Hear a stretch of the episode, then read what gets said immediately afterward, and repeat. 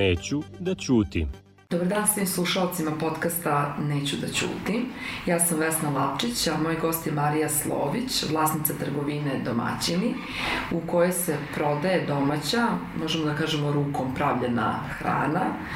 E, ujedno domaćini su i proizveđači mlečnih proizvoda, a malu mlekaru posjeduju na padinama ovčara. No, jeste, jeste. Dakle, razgovaramo o dve vrste delatnosti, da vidimo kako ste prošli tokom ovog prethodnog perioda, šta se trenutno dešava na tržištu i kakva su očekivanja kako ste se snalazili u ovim uh, nevremenima, da tako kažemo. Dobrodošli i hvala vam što govorite za podcast Nove ekonomije.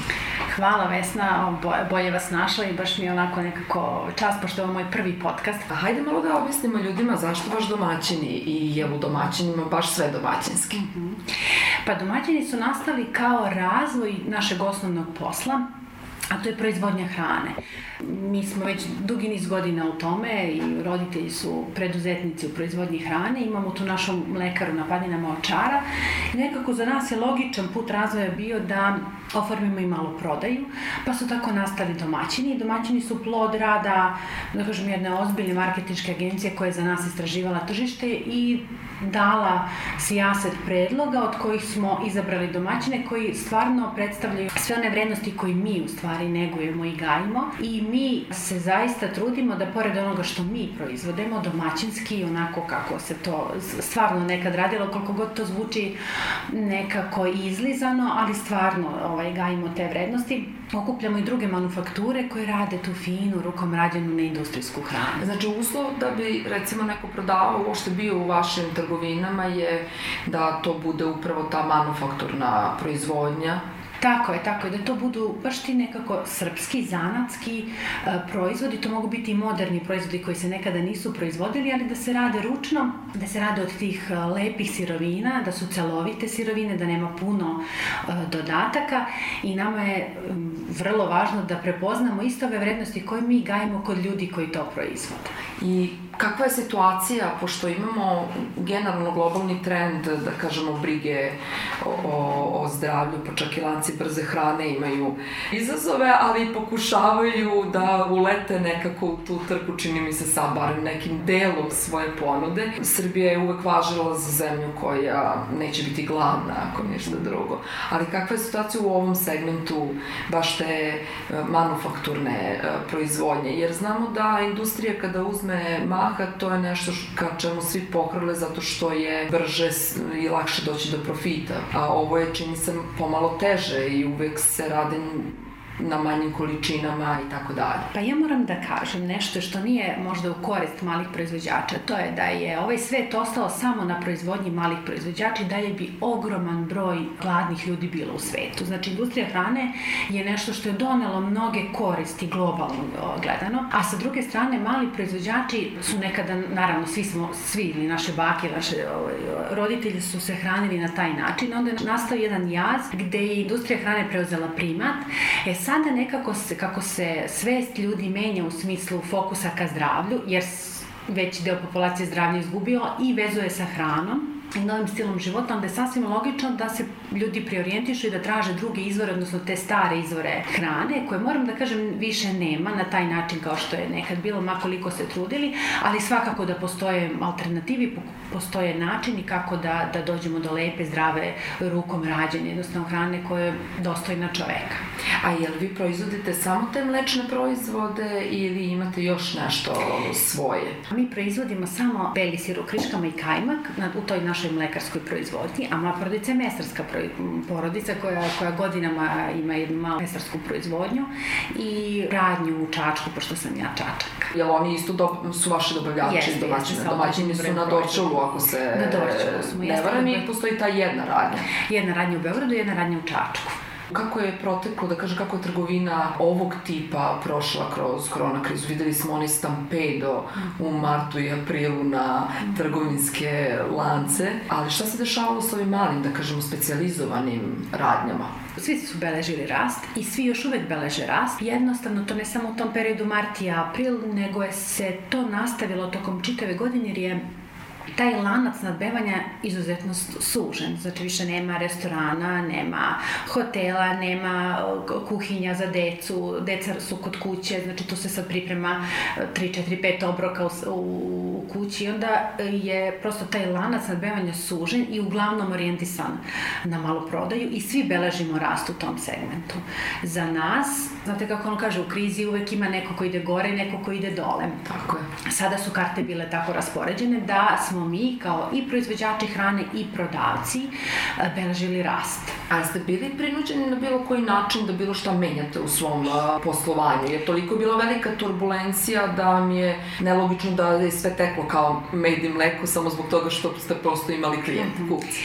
Pa ja moram da kažem da sam ja 30 godina svedok preduzetništva i svedok, da kažem, kretanja u ovom društvu i mogu da govorim za društvo kod nas, ne, ne toliko globalno, ali tu nema uljuljkivanja ni jednog trenutka ni u kojim vremenima da je sve med i mleko i da sve može glatko da teče.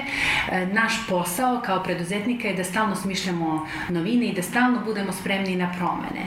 E tako jeste donela korona niz promena. Jedna od stvari na koju smo mi dosta ponosni, ako smo ovaj, posustajali u nekom vremenu pre pandemije, to je online prodaja. Mi imamo taj naš online shop od prvog dana kada smo otvorili radnju na Dorću bez obzira na to što ste vi, da kažemo, dobro prošli, je tako, u toku prethodne godine kažete da je tokom cele godine nekako se održavala ta prodaja, pretpostavljam da niste mogli baš da ništa ne menjate u svom poslovanju u ovako turbulentnom vremenu. Pa jedno od savremenih tumačenja preduzetništva upravo je to spremnost na promenu preduzetništvo i u Srbiji prethodnih 30 godina koji sam ja svedok i kroz moju porodicu je stalno bili su ciklusi dobrih i loših vremena i stalno ste bili u poziciji da budete spremni na promene, da smišljate nove načine poslovanja Pa i tako i sada nema vremena u kojima je nešto uljuljkano i može da se, ovaj, da kažem, radi bez razmišljanja šta ako ne bude tako. E, što se nas tiče, e, najveća promena je bila, da kažem, da prevaziđemo taj jaz, odnosno taj skok u prodaji i da možemo da odgovorimo našim kupcima na sve zahteve. Druga važna promena je bila prodaja online. Bez obzira što smo mi od prvog dana kad smo otvorili radnju, fizičku radnju na Dorčelu, napravili online prodavnicu i ta prodavnica stvarno nije radila. To je onako onako bilo u prethodnom periodu sporadično poneka ovaj, prodaja narudžbina online i je meni to bilo sasvim jasno jer nekako ta kultura kupovine hrane uvek išla do toga da mora hrana da se vidi, da se pomiriše, da se oseti, da se proba, pa da čovek odluči da li će kupiti posebno sirikajnak. Mislim, za Boga, da. ko je kad kupio online sirikajnak. Tako da je to za nas bilo očekivano, ali nekako smo se nadali jer, jer globalno se menjaju navike potrošača i stvarno sve prelazi na online pre pandemije. Tako da smo očekivali da će i hrana u nekom trenutku doći do tog ovaj, nivoa. I, I onda je stigla korona i pogurala ceo taj... Tako je, tako je. Najizazovniji period nam je bio u, u periodu Vaskrsa, kada smo odradili za nas potpuno neverovatan broj poručbina, jer jedna od stvari koje mi prodajemo u naš je i pečenje, to lepo čačansko pečenje, koje se ovaj, za te, ta slavlja posebno ovaj, traži. I mi smo imali tada preko 400 poručbina koje smo morali da odradimo u dva dana. Ali u suštini to je bio najveći izazov. Obraditi, znači dostavu, organizovati. Kako ste to tako brzo uspeli da E nekad kažem, sada da... kad razmišljam o tom, pitam se za Boga kako smo to uspeli, ali mm, jedna od mojih dobrih strana što sam ja ocenjivač za bezbednost hrane i uvek postavljam neke sisteme po kojima radimo i pravila sam jedan logistički centar u kome smo raspoređivali poručbine. Znači, poručbine stignu jedan dan, ja tu noć napravim rute po kojima će se vozači kretati, naravno po brojevima poručbina, devojke i seko pripreme poručbine, ja onda to složim vozačima. A jeste morali, Marije, da zapustite nove vozače su... Jes, pa kako da ne. Sigurno niste mogli postojećim kapacitetom. Da, imali smo dodatno zapošljavanje ljudi i u maloprodaji, i u logističkom centru, i vozače koji su to A gde vam je taj logistički centar? Na Zvezdari smo imali ovaj, logistički centar u jednom, u jednom prostoru koji je za to namenjen. Tako da je to, na primjer, bio za nas najveći izazov, a nakon toga online prodaja je nastavila da živi.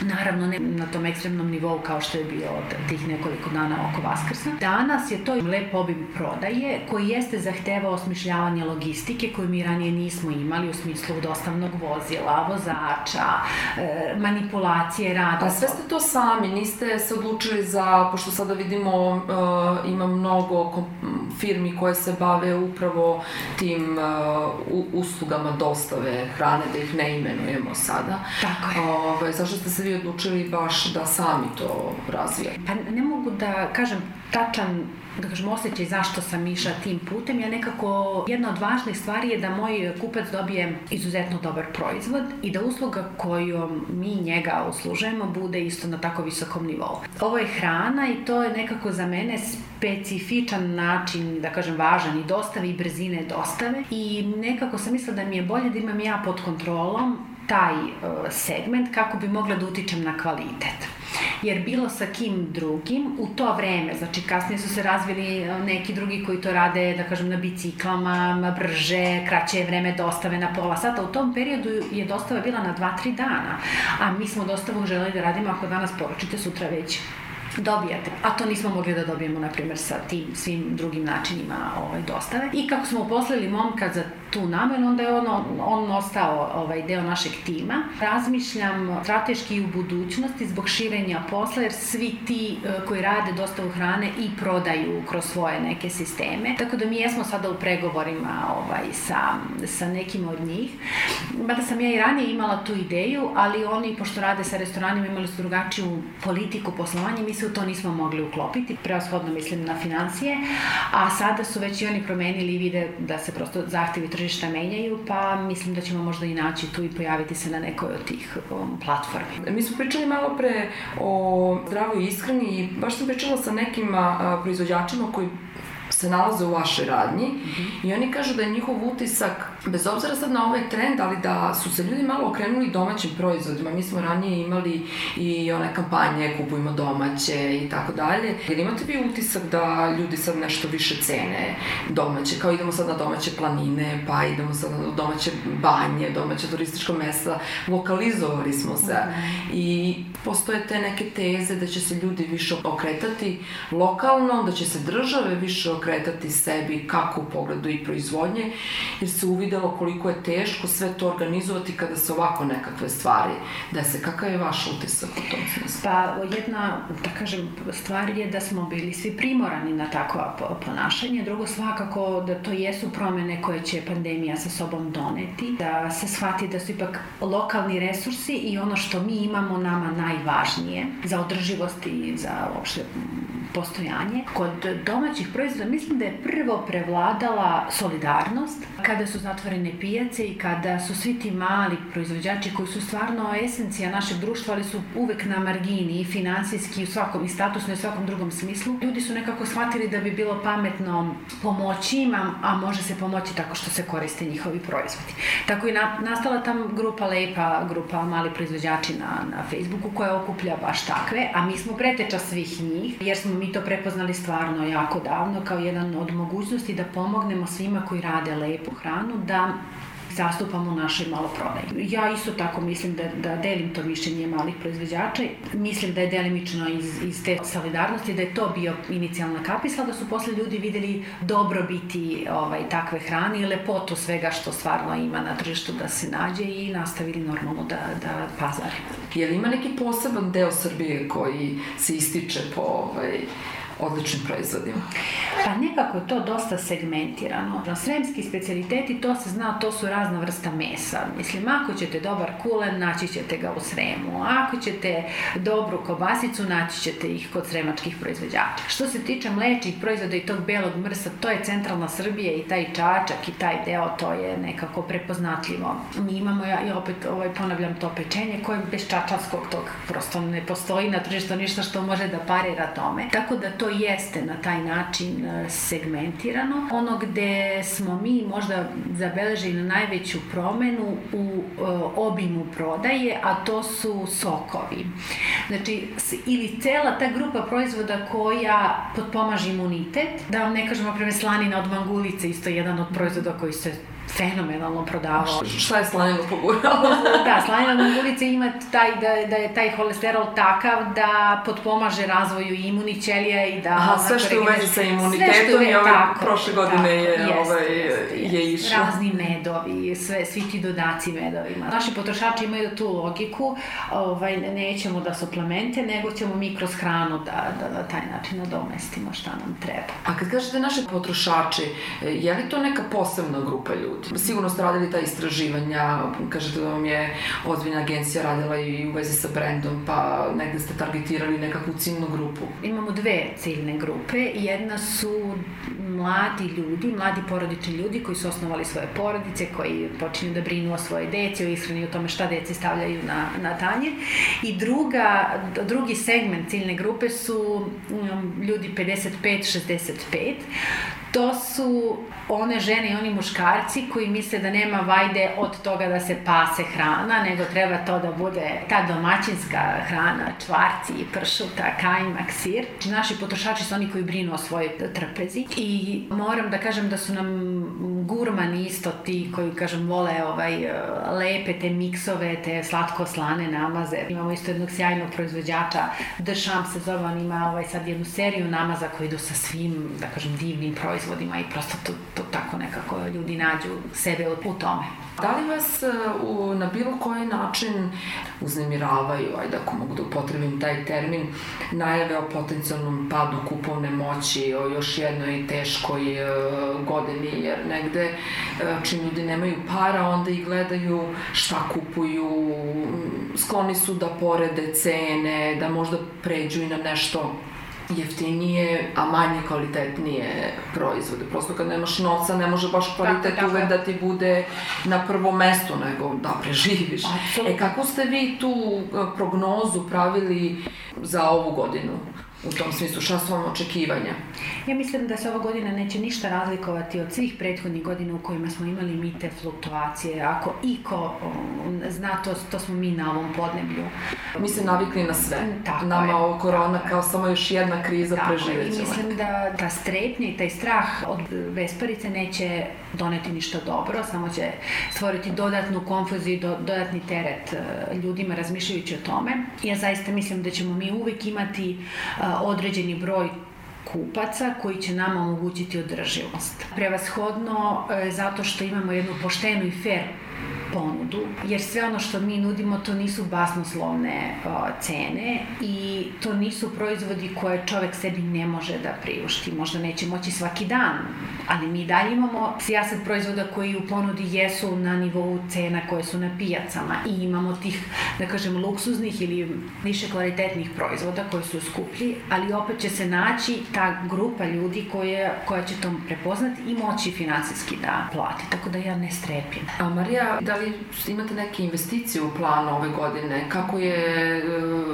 to jest rekli ste mi, mlekara je sigurno isto dobro poslovala, budući da nije vamo bilo pada prodaje u trgovinama. Da li još negde prodajete te svoje mlečne uh, proizvode?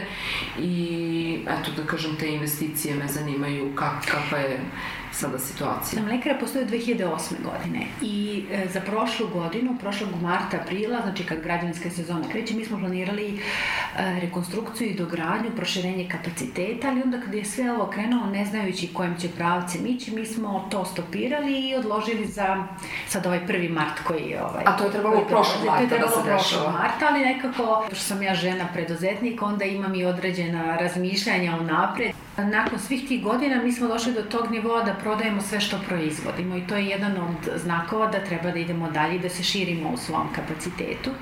Hoće li biti novih proizvoda ili samo o, obim proizvodnje postojećih proizvoda? Za sada ne, može da bude neka modifikacija ukusa, ali to su nekako dva proizvoda u kojima ja mislim da jedna zanatska proizvodnja može da opstane na tržištu, jer tu nema velike trke sa velikim industrijama, jer kajmak suštinski industrijski ne može da se ovaj proizvod napravi u tom ni kvalitetu, ni u senzorici i mislim da je to dobra niša i da se te niše treba ovaj, držati, ali ne znam, otvorena sam i za nova razmišljanja, pa vidjet ćemo kako. A gde mleko nabavljate? Mleko je sve lokalno iz tog kraja i dolazi mi sa Zlatibora jedna količina mleka koju prerađuje. Mi smo i dalje jedna mala proizvodnja koja ima svoje stabilne male proizvođače, komšijske proizvođače i tu nema velike fluktuacije niti velike dinamike promene. Taj višak koji nam u stvari nedostaje dopunjujemo sa, sa mlekom sa Zlatibora. I onda proizvode koje napravimo, najveći procenat vraćamo tamo Užice, Zlatibor i taj kraj,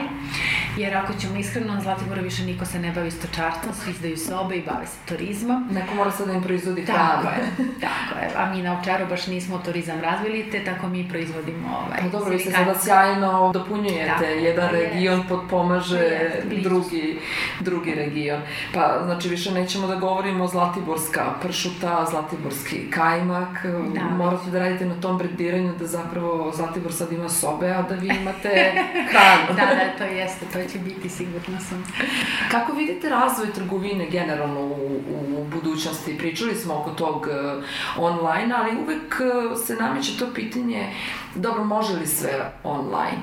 Pomenuli ste, želim nekad da probam, da vidim prosto kako to, kako to izgleda. U redu, možda ne, vino znam ili ne znam, ili da se istraže neke stvari, ali kod tih nekih delikatesa nije to baš tako možda jednostavno. Odnosno, Možda i jeste, možda, možda sam u zablodi. Da, pa ja mislim da može da se, mislim, u suština opet stvar poverenja, jer nekako ljudi kod to online prodaje najveći strah imaju od prevare, da će im neko spakovati nešto što oni nisu hteli ili da će im na neki drugi način podvaliti, jer vi tu imate sad taj segment da vi ne vidite ni koji je rok upotrebe, na primjer kod delikatesa koji se seckaju, pa ne vidite ni koja je deklaracija proizvođača ako vi tražite 300 grama neke pršute i tako. Znači u tom smislu morate da imate poverenje u onoga od koga uh, kupujete. Uh, nama to jeste na prvoj lestvici kada radimo čitav marketing i sve ono kako mi komuniciramo sa našim kupcima kroz društvene mreže je da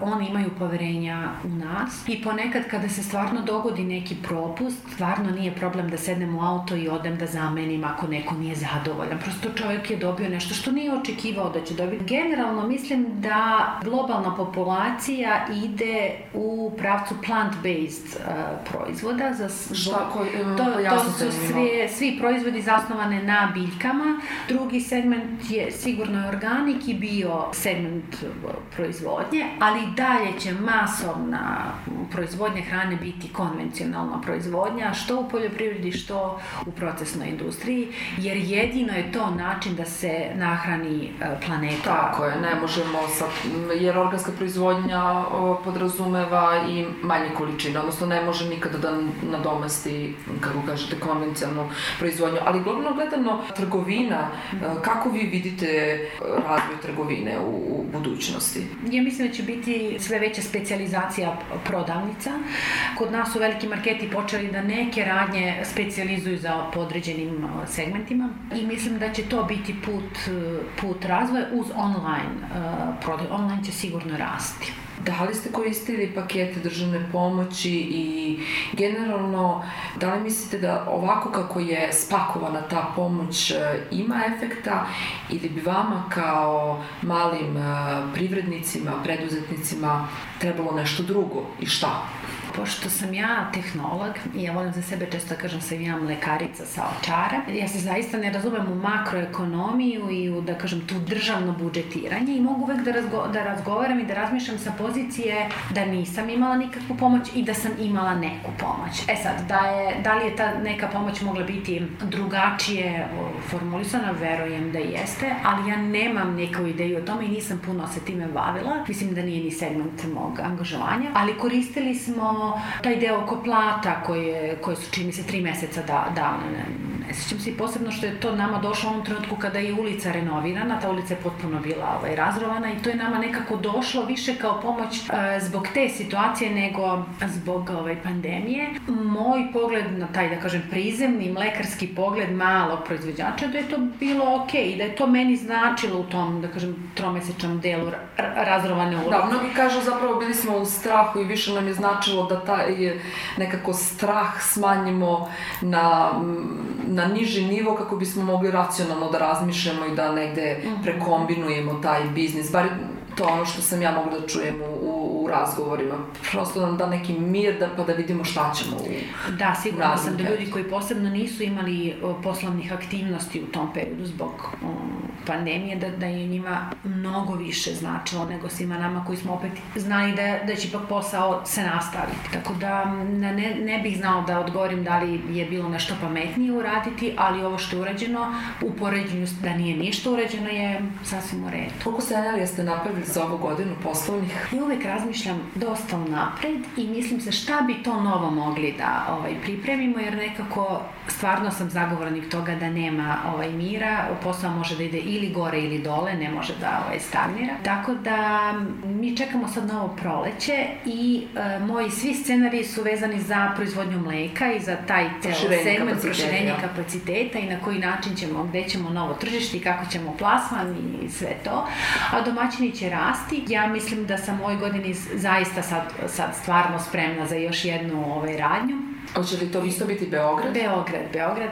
Nekako kad ste žena preduzetnik, onda tu morate da uparite te ovaj, delove rasta i porodične i privatne i poslovne i tako, tako da tu nije tako lako i brzo ići napred.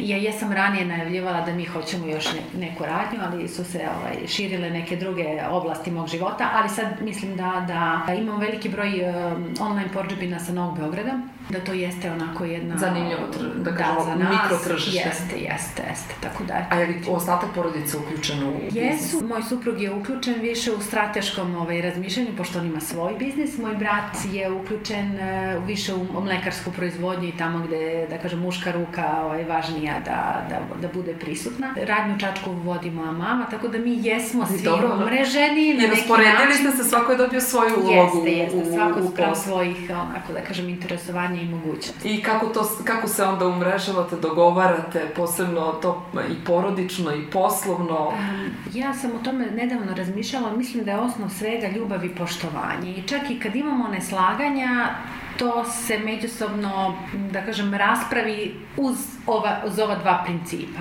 Tako da, da mi nismo do sada imali nikada nekih velikih, drastičnih promena pravaca. E, ovi stari e, članovi porodice uvek zauzeli su tu backup poziciju, vi ste mlađi, pametniji, bolje znate i mislim da je to možda jedan od preduslova. Da, da, da, da, mislim pa, da je to u stvari preduslov. U našem mentalitetu često ima i ono što ti znaš, ti si mlada. da, da, da, jeste, ali moji roditelji nisu bili ovaj, tog razmišljanja i mislim da je to bio jedan od preduslova da, se, da mi nastavimo lepo, da se slažemo i privatno i porodičnim poslom. Dobro, za vas će znači, ova godina biti s jedne strane izazovna, ali sa puno planova, ove, eto, moguće i nova radnja i Tako. investicije. Drago mi je da čujem da ima i takvih priča koje su, da kažemo, optimistične. Mm. Mislim da nam malo treba više optimizma, iako naravno da je realnost takva da, što ste vi spomenuli, da mnogi biznisi će morati da zaključaju vrate i nadamo se da će se preorijentisati na nešto drugo.